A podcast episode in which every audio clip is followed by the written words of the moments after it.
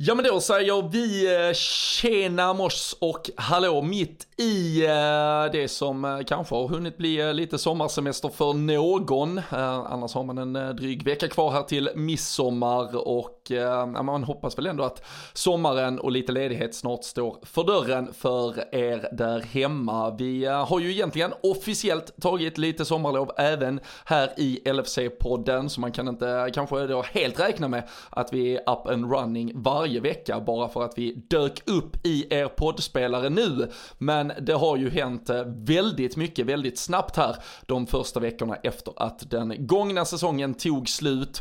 Dessutom så har ju när vi sitter här och spelar in nu vid eh, torsdag klockan två ungefär så har ju dessutom det nya spelschemat för kommande säsong precis kommit. Så det finns ju väldigt, väldigt mycket att eh, ändå börja blicka fram emot. Såklart spelare redan på väg in, vissa som är klara, vissa som ser ut att bli det snart och såklart väldigt mycket rykten om spelare som ska lämna. Så vilka vore vi om vi ändå inte öppnade upp våra datorer, kopplade in mikrofonerna och satte oss ner för att skapa ett litet, litet sommarspecial här av LFC-podden.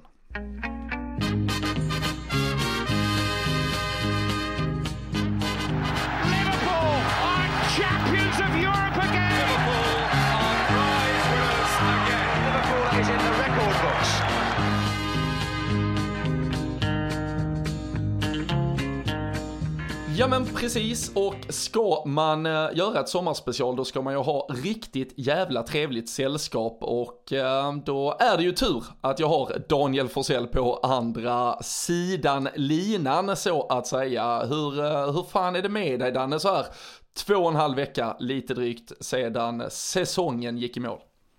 Nej, alltså man önskar ju att man sa att man, eh, man satt här direkt från solstolen eller någonting. Men eh, så långt har jag ju inte kommit eh, ännu. Utan det, det är fortfarande jobb som vanligt. Och sen så har man ju, man har väl precis liksom lagt förra säsongen bakom sig. Och man är i något så här litet mellanting här nu i och med att det båda har börjat värvas och så kom spelschemat idag. Och man har ju tjuvkikat lite på diverse flygsajter för eh, olika datum här inför kommande säsong. Så man är ju liksom i det här lilla vakuumet mellan säsongerna känns det som. För att eh, vi är ju fortfarande liksom i spelarna och, och hela den biten. Vi är ju liksom inte inne på nästa säsong riktigt än. Även om det börjar kännas som att det, det närmar sig bara för att man fick ja, men lite hålltider här nu. Och så dessutom såklart lite, ja, men lite snabba ryck i värvningarna hatar man ju inte heller. Istället för att behöva sitta och vänta ända till deadline day och sånt. Så att det fanns väl god anledning anledning för oss, som du sa här, och dyka in med en liten, ja men ett, en liten smygstart, lite pre-season podding här eh, till att börja med i, i mitten på juni.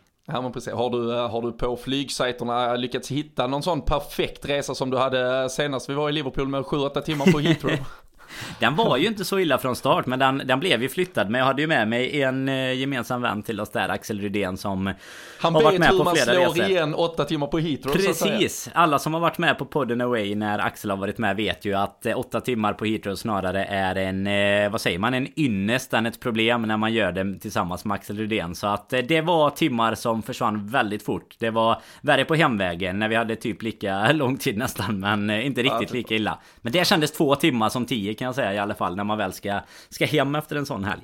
Ja, men precis. Eh, vi eh, vi, vi kan väl konstatera att, uh, att det som uh, har hänt sedan sist, om vi bara liksom går igenom ett par punkter, vi kommer ju såklart dyka ner i, i väldigt mycket av det, men Fabio Carvalho blev ju ja, men officiellt klar ganska, ja, men ganska kort efter att säsongen gick i mål.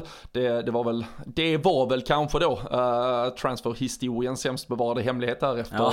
den, lilla, den lilla fadäsen på småtimmarna under januarifönstret och sen så har ju då här i veckan veckan. Eh, Darwin Nunes också officiellt presenterats. Eh, det var ju, eh, ja men det var ju också där ett, ett par dagar där man kände att han Va, va, vad gör han? Varför gömmer han sig? Vi vet ju att han är klar för oss, men och till och med då i, i det fallet så var det ju Benfica behövde gå ut redan i, i måndags morse innan den portugisiska börsöppningen. Det gillar man ju att gå med en communicado official att, att den försäljningen skulle ske. Och sen var det ju först på tisdag eftermiddagen som, som det kom ut från Liverpool officiellt. Och sen nu precis innan där när vi tryckte igång grejerna här så har ju Paul Joyce och, och hela det initierade gänget äh, gått ut med informationen att Calvin Ramsey, högerbacken från Aberdeen, också är nu bara detaljer från att skriva på. Det har ju varit kanske de tre tydliga transfermålen, ser ut att vara avklarat och färdigt redan den 16 juni. Sen eh, är väl då det som lämnar alla fans lite i, i diskussioner och debatter är ju det som eh, många av de här journalisterna fyller på med då i samband med Ramsey-nyheten att Liverpool därmed är, ja men det är done deal, vi, vi är färdiga med det vi ska göra den här eh, sommaren vad gäller in infronten. Sen är det ju såklart en Sadio Mané på utfronten, ett par spelare till som kanske mer ses som eh, trupputfyllnad. Vi har väl både Chamberlain, Minamino eh, och eh, dessutom Nat Phillips, Neco Williams till exempel tänker jag väl på främst som, som ser ut att få leta nya klubbar under sommaren. Och sen då, som sagt, spelschemat som har kommit. Ska vi, ska vi börja med lite korta reflektioner på det? Jag vet inte hur mycket, jag såg det var ju någon Arsenal, uh, något Arsenal-konto här för ett par dagar sedan som hade gjort en stor Twitter-tråd och analys på typ 700 eh, tweets i stort sett om hur spelschemat var riggat för att Arsenal skulle missa Champions League förra säsongen. Det var väldigt kul läsning, men uh, frågan är hur mycket ett spelschema kan spela roll eh, över 38 omgångar. Det är trots allt hemma borta mot alla lagen som gäller när allt summeras. Ja, det känns ju som att vi kommer att ha samma matcher oavsett hur de, eh, hur de ligger till. Så att just eh, jag vet inte, man kan ju diskutera vissa perioder såklart eh, Men eh, att just missa topp 4 är ju lite väl eh, magstarkt kanske För det finns ju ändå Det är ändå en ganska stor procentandel av, av hela ligan som har chansen att ta topp 4 Så att Nej, det är bra grävt får man säga Men kanske ett onödigt gräv av, av just det Twitterkontot. Men nej, det var väl första reflektionerna tycker jag väl att det är Det är United och Everton ganska tidigt Bortaplan båda två. Liksom det är ju givetvis premiär återigen mot en nykomling blev det ju nu är också eh, lite spännande om man är fantasyintresserad så vet man ju att Salah brukar trivas i de här premiärerna mot nykomlingar de tre sista säsongerna här mot Norwich och Leeds. Så eh, nej, det... Jag vet inte vad man ska... Alltså, reflektionen är väl att man, man tittar ju i första hand liksom på okej okay, hur ser sluttampen ut? Har vi hemmamatcher sista matchen? Och sen är det ju som vi nämnde lite här i början att man kanske börjar titta lite på vad Vad man ur en individuell synvinkel skulle kunna tänka sig att eh, försöka sticka iväg på. Och nu är det ju lite speciellt den här säsongen i och med att ett eh, VM inklämt i, i höst här eller höst-vinter. Så det blir ju som... Eh, nej men som... Eh, jag vet inte om det var du som skrev den eller någon annan. Men jag hann bläddra förbi den på LFC.se i alla fall. Det här med matchflyttar och sånt sånt lär ju inte vara så, så aktuellt den här säsongen. Nej, utan nu lär det ju... Det lär ju krävas lite mer om man väl ska flytta en match. Så att eh, man, man, kommer väl så fort tv-tider och sånt kommer i alla fall kunna veta ganska så eh, exakt huruvida det är. Men eh, annars är väl... Ah, vad ska man säga, reflektionen att eh, som du säger, alla ska spela mot varandra två gånger. Sen finns det ju vissa som såklart har bättre och sämre starter. Men jag menar det är ändå någonstans så att man ska man ska lira. Sen första april stod det väl just nu bortamatch mot eh, City och, och så hemmamatch här på hösten. Och det är väl de man eh, också väljer att kika in ganska snabbt bara för att se lite. Man vet ju att de två kan... Ja, de ligger ju, de, de ligger ju mer eller mindre på samma helger som de gjorde den gångna säsongen. Och Exakt. där finns ju, jag, jag är ju inte, jag är inte konspiratorisk, jag tror men det handlar väl bara om att underlätta för sig själva. Det finns ju ett ganska invant ändå schema och ungefärligt hur du vill belasta mm. lagen och var du vill lägga dem. Nu var det väl dessutom jag har läst lite önskemål från eh, ja, men både Garrett Southgate och, och från andra att eh, liksom precis helgen typ innan VM-samlingen och efter VM-samlingen ville de kanske inte att det skulle vara stormöten som möts. Nu har jag faktiskt inte tittat på exakt alla lagen hur det ser ut men vi har ju till exempel Southampton hemma innan det är VM-uppehåll och sen så har vi ju Aston Villa borta då på Boxing Day när allt startar upp igen och sen kan man ju konstatera att det som är nytt för den här säsongen är ur ett om man kan hitta ett pyttelitet positivt perspektiv på att eh, alla matcher ändå ska spelas och hur mycket som ska spelas så är det ju, där är ju ingen då omgång inklämd den 28-29 december som det har varit ibland. Utan mm. vi spelar ju sen på, ja, på nyårsafton är vi planerade att spela mot Leicester och sen så visserligen så börjar det ju ändå bara ett par dagar senare i januari också. Men det, det är en omgång mindre intryck där. Och eh, tittar vi på vårt då eh, jul och nyårsschema så har vi ju Aston Villa borta, Leicester hemma, Brentford borta och eh, Brighton borta. Eh, förra året eh, minns ju säkert alla att vi hade ja, men Chelsea framförallt och så Tottenham också där omkring. Det, det var ju väldigt covid-påverkat och, och, det var skadeskjutet och allting. Så det, det var ju två ja, men på pappret väldigt tuffa matcher som kom i en väldigt intensiv period som med facit i hand kanske kostar oss en, en del. Men, men annars så så är det väl inget jättemärkvärdigt. Jag kan konstatera att både Liverpool och City avslutar då i omgång 38 på bortaplan. Eh, vi mot Southampton, City mot Brentford tror jag det var. Eh, medan då eh, vår sista hemmamatch blir mot Aston Villa i näst sista omgången istället. Det är, det är ju annars en klassiker att åka på den sista omgången men ja, så som City och Liverpool går upp mot varandra så känns det ju som att det blir på, på bortaplan. Eventuellt då för båda lagen som, som det här kanske mm. avgörs. Och, och annars som du säger, jag har full, full Fulham borta i första, sen Crystal Palace hemma.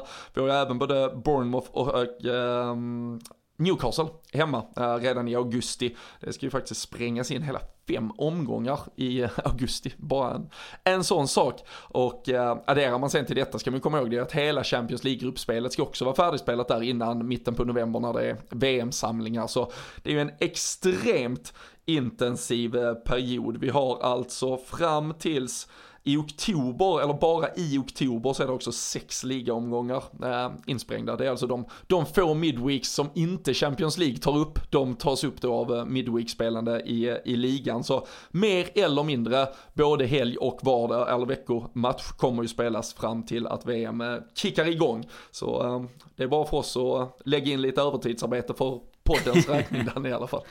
Ja men verkligen, det blir ju det, det, kommer bli standard att det blir det här nu som det var i under våren här nu i och med att vi var med i alla kupper också. Så att det är väl det, förhoppningsvis att det fortsätter så även efter VM när FA-cup och ligacup och allt sånt eh, ska, ska intensifieras lite också. Men, eh, nej, men sen som du säger just reflektionen kring spelschemat annars så är ju att när man har, har följt det i i några år på väldigt nära hand, alltså både med egna resor och, och lite allt möjligt så, så, så är det ju precis som du säger, det är väldigt ofta man upplever att så här, jaha, blev det oktober mot United nu igen? Liksom, det var fjärde säsongen på rad, så att det märks ju att de har en, en liten uppdelning och det måste det ju vara också i och med att de har olika, det är ju lite som när Champions League lottas med det så här, inte spela i samma stad samma dag och sådär och, och det är klart att eh, det finns eh, liknande problem i i eh, vissa av städerna i Premier League, London så är undantaget kanske i och med att det är, eh, det, det är så pass eh, stort och utspritt som det är. Men nej, det är väl bara att konstatera att det är eh, mycket kul att se fram emot egentligen. Och, och, som du säger så är det väl just den här sista matchen i och med att det blir eh, på bortaplan då. Sen så dessutom så har ju vi numera lyxen att eh, inte kanske kunna förvänta oss det får vi väl komma till senare under säsongen men i alla fall ha en förhoppning om att vi går långt i, i även i Champions League. Och då, då vill man ju inte boka upp för många datum eh, beroende på att man inte vet vad, vad som kan vänta under eh, april och maj månad heller. Så att det eh, gäller väl att ha lite luckor i schemat i alla fall även till Eh, till, lite oväntade matcher som inte är planerade ännu då. Även ja. om man kanske vet när de ska spelas ungefär, men eh, man vet inte vem som ska spela dem. Det är litet lilla eh, medskicket till alla som nu sitter och funderar på att boka matcher. Titta i alla fall, för det finns, det har jag redan själv kikat, både ligacupens alla datum, FA-cupens alla datum, Champions Leagues alla datum, allt sånt finns. Det är bara att googla, det tar ungefär två sekunder så vet man att man inte råkar boka sin Liverpool-resa kanske på en, en helg där det ska spelas FA-cup kvartsfinal eller något liknande. Och så blir det mm. matchflytt och så måste man boka om eh, allting. Utan titta på det innan ni eh, bokar eh, så, så slipper ni onödiga och otrevliga överraskningar vad gäller just det i alla fall. Men äh, vi ser verkligen fram emot vad som väntar.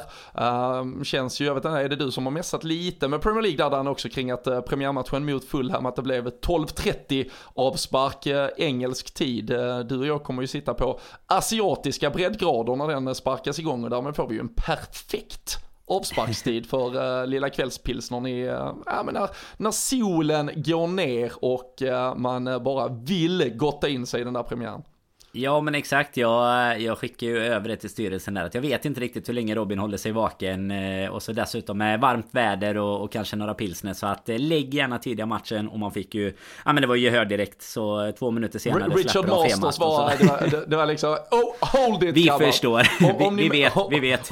om, om, det, om, ni tyckte att schemat kom ut två minuter för sent så var det den där sista korren som skulle igenom. Men äh, det ser vi fram emot Det är rätt intressant, det är rätt intressant även det, den konstaterandet det är väl. Alltså vi har ju haft Leeds, Norwich, Leeds. Va? Är det inte så de senaste mm. säsongerna? Och så blir det Fulham nu då på tal om det här med att... Uh, Norwich, Norwich Leeds, Norwich har vi haft. Ja, ja, så har det varit ja. Just det. Ja. Och så just det här att mönster ändå verkar tendera till att upprepa sig. Att, att vi då hamnar nu om det blir hemma eller borta så sett. Eh, har ju varit lite olika på de matcherna. Men att det blir en bortamatch mot, mot en ja, nykomling det... nu också då. Så det är ja, ju, det, det finns det, ju något litet... Eh, en liten mall, en, en liten Excel-fil där när man bara byter ut lite namn helt enkelt. Ja men vi hade ju Tot Tottenham hemma var ju en av de här sista stormatcherna Det var ju första helgen i maj till exempel och den, det, det, det blev en av vårens matcher jag, jag själv bokade för nu kom den på grabbens födelsedag. Uh, hoppas han inte lyssnar. Uh, den 29 april istället så var också månadsskiftet då april-maj. Det är liksom fyra dagars skillnad mot när den låg förra säsongen typ. Uh, så det, ja. där finns väldigt mycket. Uh, så,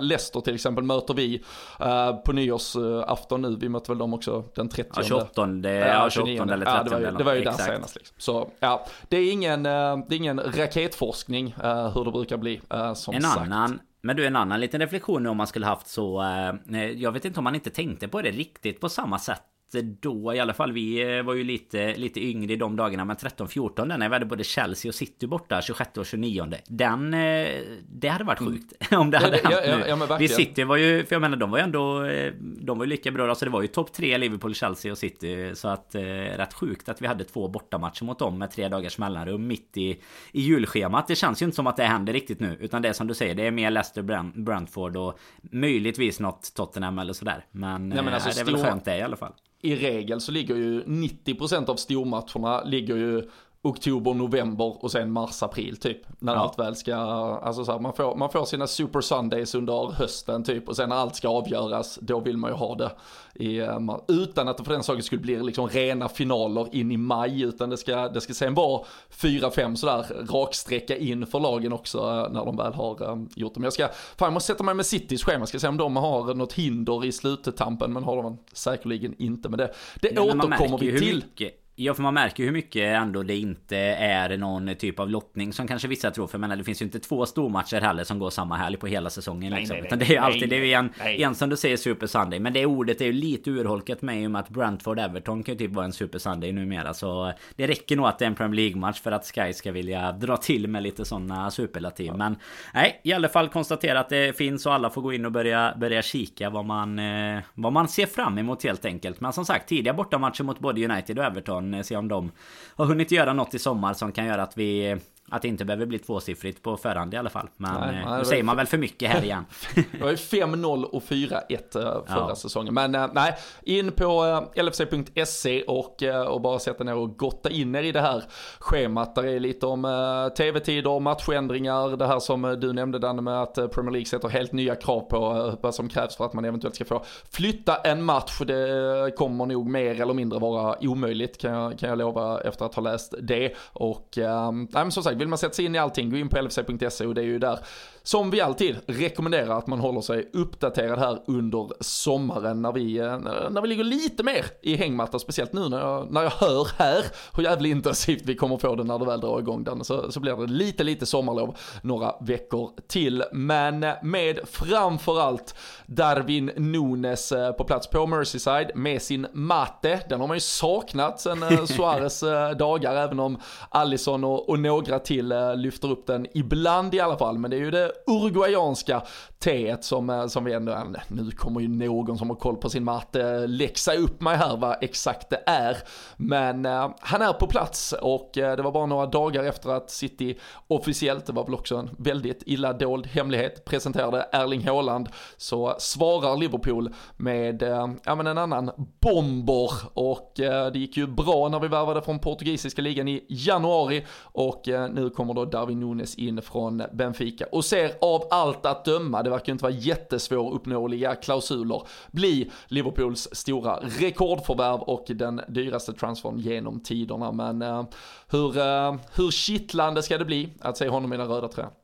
Nej men det är ju eh, alltså en av de eh, Av de mer kittlande nu. Har vi haft så många extremt bra utfall också det sista Men jag menar med Med en prislapp som eh, Alltså som, ställ, som helt plötsligt sätter lite krav Även om det då eh, har blivit såklart inflation även i I spelarpriser så är det ju en spelare av allt att döma som Nej men verkligen börjar närma sig en En sån nivå att han att han kan göra väl avtryck i den röda tröjan såklart. Och som är ganska hyggliga lekkamrater där fram också så det är bara att hoppas att han får lika bra start som Diaz fick när han anslöt från, anslöt från den portugisiska ligan. Och eh, jag menar vi, nu har ju inte att man, man har ju sett honom mot oss bland annat och lite övrigt i Champions League och sådär. Och jag menar statistiken för hans del talar väl eh, kanske sitt eh, tydligaste språk. Jag menar hur mycket mål och så han gör. Och det är väl precis det alltså det som kittlar mest egentligen är väl att det är just den spelaren det känns som att vi vi gärna eh, behöver komplettera med. Särskilt nu då när eh, Mané gjorde det jättebra i eh, liksom frontrollen men verkar ju mer eller mindre vara helt klart för att, klar för att försvinna. Så, så är det ju egentligen ett, ja, men ett helt perfekt namn att ersätta med en ung spelare som i lite det här generationsskiftande Liverpool som vi ändå har. Salah fyllde ju 30 här precis i dagarna och det blir ju Alltså det blir otroligt tror jag bra för honom att komma in i ett lag som fungerar och är så väloljat lite på samma sätt som när du nämner Håland där till City liksom. Det är ju precis samma sak som vad de behöver eh, i samma ände. Men tittar man på lite statistik och sånt, även om det är två olika ligor, så verkar vi ju ha dratt det, det längsta strået, även om han inte är riktigt lika känd kanske för allmänheten än som, som Håland har blivit. Ja. Jag vet inte vad är dina spontana första känslor? Nej men de spontana känslorna är ju att, eh, alltså när, eh, när lagkamraten från Benfica, Adel Tarapt, eh, beskrev honom som en blandning mellan Edinson Cavani och Luis, eh, Luis Suarez så, så började det ju vattnas i, i munnen direkt. Tarapt att... känns ju dock lite, lite tveksam ja, men han, liksom, han känns ju mer, som men, men han känns ju mer som en gubbe som tittar på andra fotbollsspelare än att eh, bekomma sig så jättemycket själv genom att ta ja, ut sig på träning. Så det känns som att han har ändå lagt mycket tid på att bara sitta och stirra på andra. Men, äh, men jag hoppas ju att där, eh, där kommer fram en liten så här eh, uruguayansk grinta jävel ur honom. Men sen, sen är det ju på inga liknelser i övrigt någon Luis Suarez-spelare så sett. Sen, sen är det ju också jävligt spännande att se hur, hur Klopp kan involvera en spelare med lite som du säger, som är lite mer presence i, i boxen, lite mer, lite mer mm. power. Sen har han ju en uh, otrolig rörlighet, det var ju kanske det man såg, såg mest mot Liverpool samtidigt. Där klev han ju framförallt i matchen på Anfield, klev han ju mycket uh, ut i vänsterytan och, uh, och utmanade därifrån och attackerade och tog sig inåt. Så, så där finns ju en rörlighet här också, det är ju inte det är inte en Christian Benteke riktigt. Vi, vi har nej. plockat in, även om vissa vill, vill få det till att det bara är så här en power forward.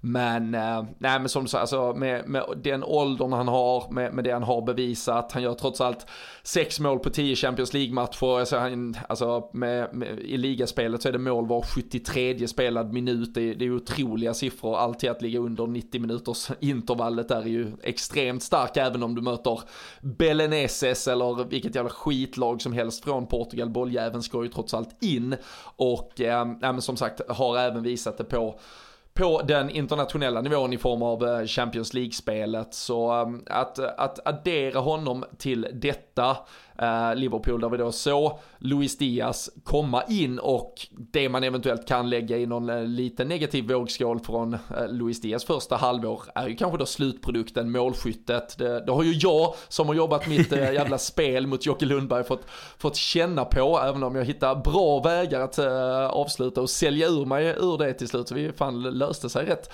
bra, men det, det är ju ingen, det är ingen överraskning att man kan lura Jocke på lite pengar Danne, men det, det, det tar ju ändå inte bort faktumet att Luis borde, utifrån hur jävla mycket han skapade, gjort fler mål. Sen sett, sett till siffran som sådan så var det ju en jättefin vår ändå från honom. Och så då mm. Eh, Mohamed Salah på det, eh, som vi såklart utgår kallt från, stannar och bildar det som väl många tror då blir fronttrion. Men sen finns det ändå ett litet läger Danne som argumenterar för att man kanske då är taskig mot Diogo Jota när man plötsligt parkerar honom på bänken bara sådär utan att Darwin Nunes har bevisat något. Men hur tror du att läget kommer att se ut när vi väl eh, kliver in i det där som då är premiärmatchen mot Fulham? Nej, men jag skulle nog gissa att det är den eh, fronttrion som du nämner Men att den kanske inte är lika cementerad som Som Mané, Firmino och Salah var en gång i tiden om man säger så När det inte riktigt fanns egentligen någon påfyllnad eh, från, från bänken heller. Jag menar nu har vi ju ändå så att vi kan Kan både byta inom matcherna och rotera i startelvor utifrån vad som kanske passar bäst och sådär Men Jag tror nog ändå att det kommer vara liksom go to eh, liksom från, från start om man säger så. Det, det, det, blir givetvis lite så att prislappen också indikerar att eh, så är fallet. Jag menar du värvar ju inte för de summorna för att eh, bara ha en, eh, en benchfodder heller liksom. Utan där handlar det ju mycket om att han, han kommer ta en plats. Men precis som du är inne på så tror jag att många kanske tänker att det är liksom en, en centertank på något sätt man har, har värvat. Men eh, kikar man på, på hobbyanalysen som man alltid gör när, när man har gjort någon sån värvning och man, det kommer ut diverse klipp och, och sådär på främst Twitter hela tiden. Då ser man ju att det är ju Alltså otroligt spelskicklig spelare. Alltså jag skulle väl säga att eh, liksom som du sa innan, inga kanske jämförelser i övrigt med Suarez mer än att de är, är landsmän så då. Men då är det ju alltså typ bollkontroll och avslut är ju mer än liksom att vara någon där inne som bara bronkas och fightas och, och nickar eller bicicletar in bollar liksom. Utan verkar ju vara, ha ett otroligt bra spelsinne. Alltså lite mer åt eh, Diaz-hållet liksom. I, ja, i den biten eh, än, eh, än vad det är åt eh, liksom att det ska vara en Håland typ om man säger så som bara ska vara där inne och verkligen göra målen. Sen, sen vill vi gärna att han ska göra målen ändå men eh, att det kanske sker på ett lite annat sätt och att han även kan gå ut på typ en ytterposition och att man även kan göra förändringar alltså under matchen som gör att du kan, eh, ja, man kan luras lite med någon bollmotförsvarare eller sådär om det, om det behövs. Så att de är ju väldigt allsidiga egentligen allihop skulle jag säga. Nästan där framme nu. Det känns ju verkligen så som att vi värvar inte bara för liksom ha en, en vänsterytter utan det går, det, vi, vi kan liksom laborera lite med eh, allihopa där fram också. Ja, det, det, det som kanske det, det, det, enda, om man vill se eh, något så här att lyfta i sammanhanget, är ju att kanske då både Nunes, Jota och Luis Diaz kan de kan husera till vänster, det är väldigt mycket Mohamed Salah till höger, men det vet vi också att han av allt att döma startar 36 av 38 ligamatcher minst mm. och eh, spelar typ allt annat också. Det är väl kanske framförallt Jota som kan spela och därför tror jag också att det, det blir ju inte längre, alltså så här, jo okej, okay, bästa elvan, det är dags för Champions League-final, då, då är det ju bara plats till 11, men annars, man pratar ju inte om 11 spelare i ett fotbollslag längre, utan det är som på pappret kanske i den där extremt avgörande fotbollsmatchen kommer vara Luis Diaz, Darwin Nunes och Mohamed Salah från start. Det kommer ju lika ofta vara där man slänger in Diogo Jota till vänster för att vila Luis Diaz eller slänger in, Luis, eh, eller slänger in Diogo Jota i mitten och skickar ut Darwin Nunes till vänster eller spelar då Jota med Diaz och Salah. Du kan till och med den gången du behöver vila Salah så kan du skicka in Jota till höger också och vid några tillfällen kommer vi ju såklart också spela en Roberto Firmino och, och kunna vila två stycken kanske rent av ur det som då är mm. liksom på pappret den, den bästa fronttrion. Så jag, jag tror att ä, även om Diogo Jota kanske hade med, med alla friska fått sitta på bänken från start i en Champions League-final på, på torsdag nästa vecka, om det hade varit det som var på, på, i, i spelschemat liksom, så kommer han ju ändå starta 30 35 matcher under mm. säsongen för Liverpool.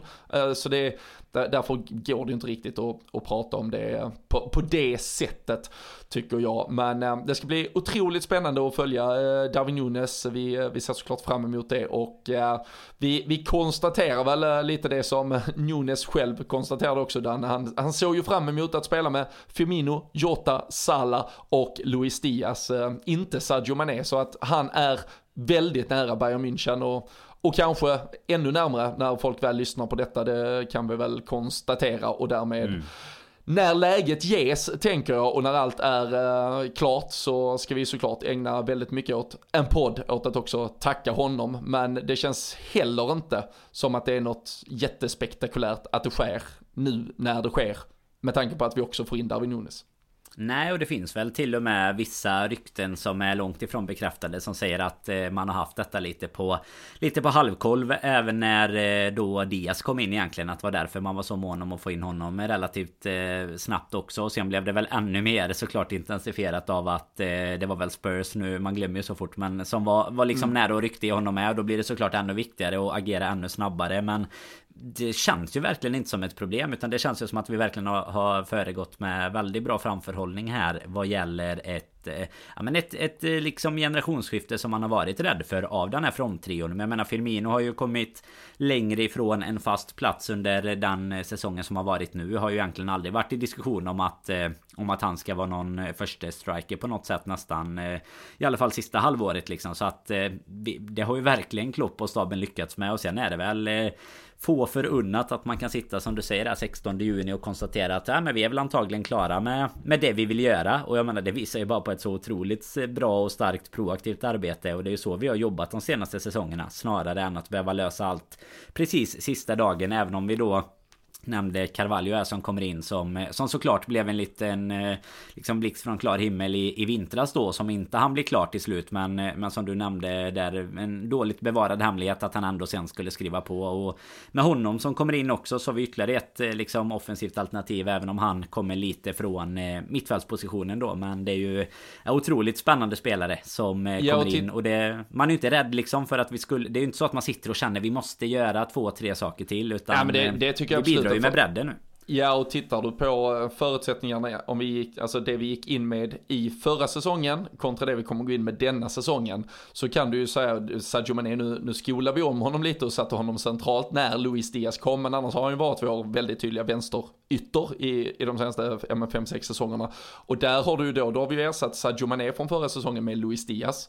Vi har ersatt Divock Origi du kan argumentera för att det är Roberto Firmino med tanke på att han, kanske snarare att Roberto Firmino ersätter Divock Origi som truppspelaren och ja. Darwin Nunes ersätter Roberto Firmino som alltså mittstrikern i den där offensiven. Och sen så ersätter i så fall Fabio eh, Carvalho eh, Minamino ish, som också mm. lämnar. Så tittar du den offensiven vi gick in med inför förra säsongen som var Sadio Mané, Roberto Firmino, Mohamed Salah, Diogo Jota, Divock Origi och eh, Takumi Minamino. Så är den nu istället då Luis Diaz, Darwin Nunes, Mohamed Salah, Diogo Jota, uh, Roberto Firmino och uh, Fabio Carvalho. Det är ju ett Alltså för det första, du, du får ner snittåldern rätt jävla rejält och du får in riktigt, riktigt bra spelare. Så det är, det, det är så bra skött transfermarknad över ett, ett år och det är så snabbt agerat och vi vet hur viktigt det är för Klopp att ha sina spelare tillgängliga redan när försäsongen drar igång, vilket den gör om bara typ tre veckor. Så um, mm. här får han ju all chans i världen att uh, bygga ihop ett ett nytt dröm, och det är väl också det, det pratade vi om i samband med att han skrev sitt kontrakt när han förlängde med, ja men från 2024 till 2026 istället för hade det bara varit två år kvar på Klopps kontrakt, då tror jag han hade varit mycket mer mån om att ja, men mjölka ur det sist ur en Sadio Mané, ur en Mohamed Salah. Då, det hade inte varit, alltså han vet ju inte, han kanske inte hinner få ut det bästa ur Darwin Nunes på, på en eller, eller två säsonger. Förhoppningsvis hinner han det. Men han vet ju antagligen helt säkert att ge mig en, två, tre och absolut en fjärde, alltså då, då kommer han vara bäst i världen om allt bara går som det ska. Så det, det, vi har ju en helt annan förutsättning nu och det känns, det känns som att vi har agerat offensivt med att få till det helt fenomenalt. I backlinjen kom Ibrahima Konate in förra säsongen. Och det som egentligen bara debatteras nu kan man väl säga, och där vi får ju kanske ta slutdiskussionen kring det när vi verkligen vet hur den här sommaren utspelar sig. Det är väl om mittfältet hade behövt något mer än då som du mm. nämner en Fabio Carvalho som kan figurera lite i eh, båda, eh, båda de eh, delarna, både de mittfält och anfall. Ja absolut och sen en, eh, en lite sådär återkomst av om eh, Harvey, Harvey Elliot kommer upp i samma nivå som han ändå gjorde i början på förra säsongen. När han ju tog en startplats då Då är det ju inte kanske något eh, superbehov men det är fortfarande så att det är klart att man Alltså beroende på Allt sånt är ju beroende på hur spelarna håller och sådär Men vi har haft mycket problem med en Thiago till exempel Som har varit mycket skadad En Keita som har varit det i många säsonger och sådär Så att Får man liksom ut mer av dem så behöver man ju såklart ingen, eh, inget komplement kanske Men det är ju det man inte riktigt vågar Ja men man vågar kanske inte luta sig helt mot det Men sen det du nämner just gällande Skillnaden på anfallsuppsättningen är och tycker jag också att man får inte glömma Om man skulle gå tillbaka ett år här och lyssna på våra avsnitt Då, då hade vi nog inte heller hållit liksom Sadio Manese. Eh, vara eller icke vara riktigt lika högt. För så var det ju inte när vi gick in i förra säsongen. Utan då var det ju faktiskt, det har ju varit prat både, både då och säsongen innan om att han kanske har haft sina bästa dagar. Sen får ju han en, alltså han får ju en bra utväxling efter att både skjutit eh, Senegal till eh, Afrikanska och även till eh,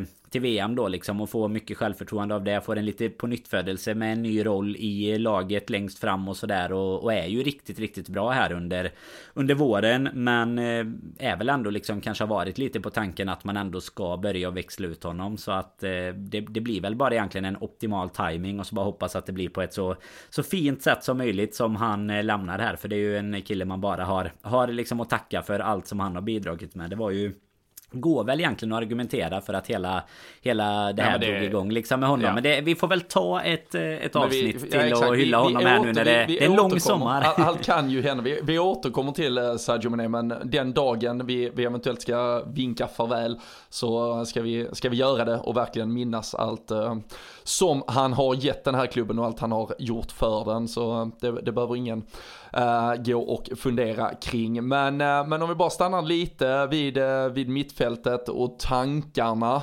Um, Fabio Cavallo som du säger spelar väldigt mycket tia i, i Fulham. Precis bakom en Alexander Mitrovic. Vi, vi vet hur många miljoner mål han gjorde för Fulham och slog alla jävla rekord där bakom. Återigen, inga liknelser i övrigt, men Darwin Nunes, stor, stark spelare i boxen. Mitrovic, vi vet exakt vad han är för typ av spelare. Fabio Cavallo bakom honom, finns där tankar tror du på att eh, Klopp, eh, även om man egentligen aldrig gör det, kan tänka sig att gå ifrån 4-3-3, åtminstone i stunder, för att spela någon form av eh, lite mer då 4-2-3-1 uppställning med till exempel en Cavallo som tia, en Roberto Firmino, vore ju perfekt kanske, skola in i den där nummer 10-rollen och därmed också komma runt lite det här, ja, hur många mittfältare av absolut högsta kvalitet har vi? För då behöver du faktiskt bara ha två. Om du till exempel mm. spelar Thiago Fabinho bredvid varandra. Absolut, och det är väl det man hoppas väl att ska kunna ge lite mer liksom rörlighet till våran formation också på det sättet. För det har man ju argumenterat om mycket förr. Nu var ju förra säsongen vad den var där vi kanske inte riktigt behövde det i, i så många matcher. Men eh, även säsongen tidigare där då, då var man ju ganska mycket inne på det att man kanske kände att ja, att spelet till viss del ibland var, var lite mer sönderläst. Att det var svårare för Salah och Mané att ta sig fram på sina kanter och sådär. Och, och nu var det ju inte riktigt samma problem tycker inte jag under fjolårssäsongen. Men man önskar ju att det ändå finns en möjlighet att, att göra det och kunna anpassa sig mycket mer efter motståndarna. För det är ju precis som du säger. Annars har vi ju inte riktigt den rollen. Alltså den här riktiga offensiva centrala mittfältaren i, i Klopps 4-3-3 spel. Eh, utan då är det ju att du ingår i i den tremanna mittfältet. Kanske ha lite mer offensiva kreativa uppdrag. Men eh, det kittlar ju onekligen att tänka på hur, vad, vad, man hade kunnat få ut av det. För att där går det ju också tror jag och eh, ja, men liksom överraska mycket mer eh, också. Och jag menar det är många lag som Typ vi har sett nu Everton eh, som eh, till slut såklart förlorar men liksom ställer sig verkligen och, och spelar så defensivt man bara kan göra och sådär. Där man kanske ibland då behöver göra lite taktiska förändringar för att eh, liksom kunna komma runt det också. Och då kanske det gynnar vissa spelare. Jag tror också att en Firmino till exempel skulle få mycket mer ut av den typen av position i det läget han är just nu än eh, en som liksom den striker-typen. För eh, jämför du honom och Mané nu sista säsongen till exempel så märker du hur mycket mer pressspel och sådär.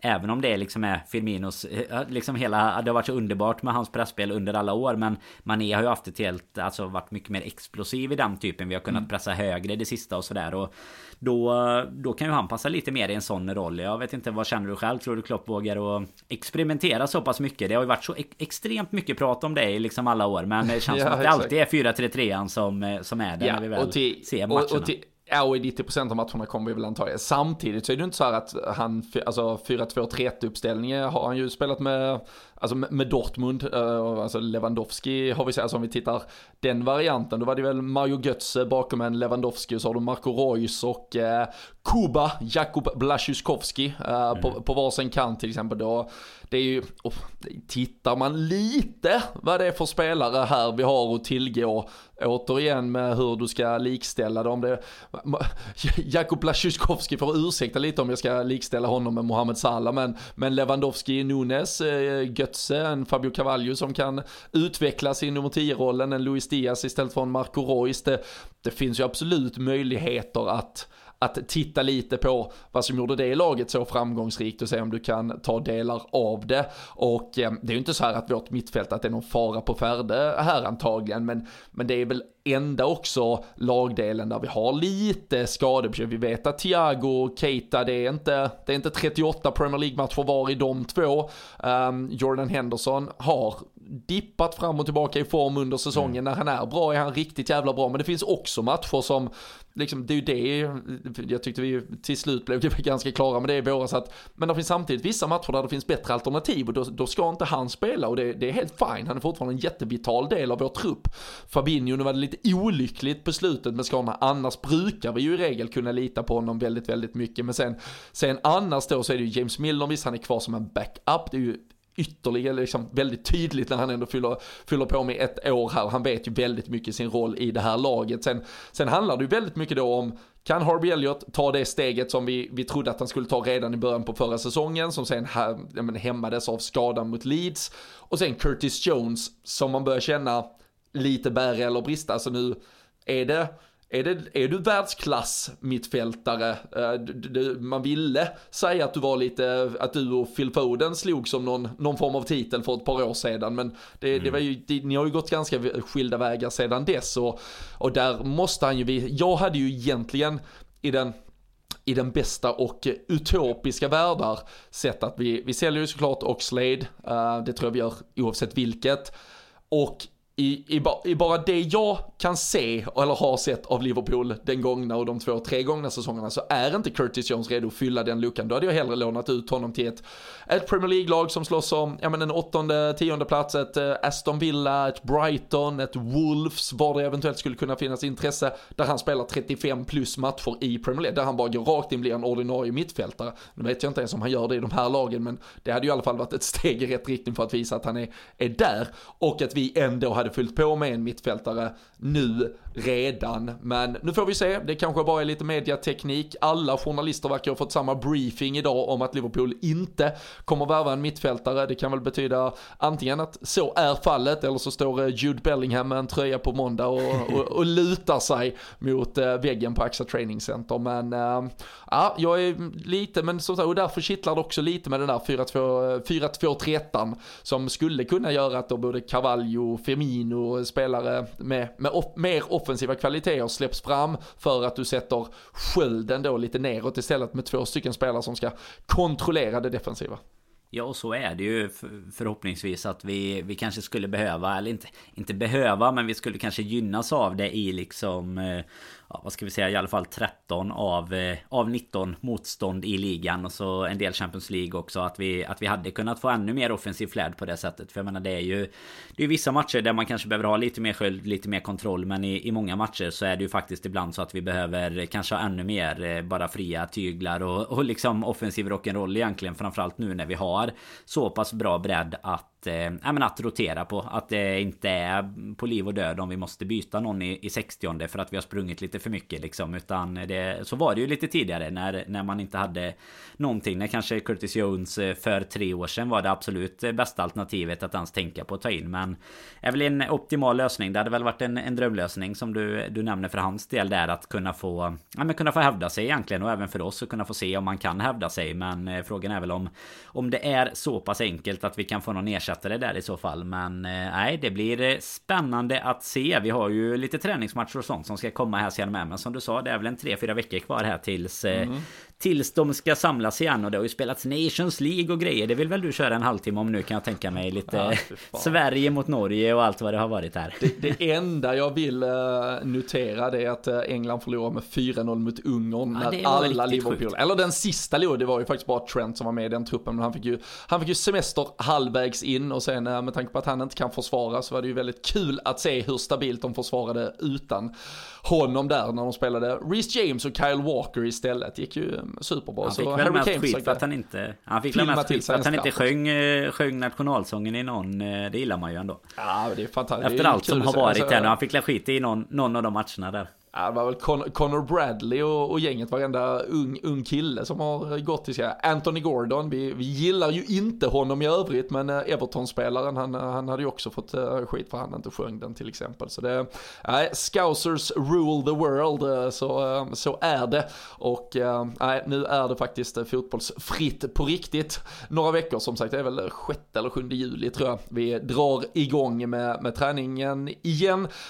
dryg vecka, sen sticker de till Eh, Asien rekar lite inför att vi ska dit lite senare. Danne. Eh, de, eh, de tar sig an det ansvaret och kör mot United i Bangkok bland annat, som möter vi Crystal Palace också. Sen efter lilla Asien-turnén så blev det ju klart bara för någon dag sedan här att vi kör dubbla matcher mot Red Bull-lagen, både Leipzig och Salzburg i Österrike. Det har ju gått bra för när vi har börjat i Österrike, där, där trivs Klopp och gänget nu. Men väldigt, väldigt skönt att ha i stort sett hela truppen på plats. Vi har uh, fått konstatera att Darwin Nunes har anlänt, Fabio Cavallo lika så på utfronten är ju inget bekräftat och klart som vi egentligen kan grotta ner oss i nu. Calvin Ramsey ser ut, medan vi pratar här, att bli klar han mm. med. Men uh, vi kan väl spara honom, Sadio Mané, lite mer rykten till, uh, till nästa gång vi får lite, lite feeling för att bryta vår uh, poddsemester.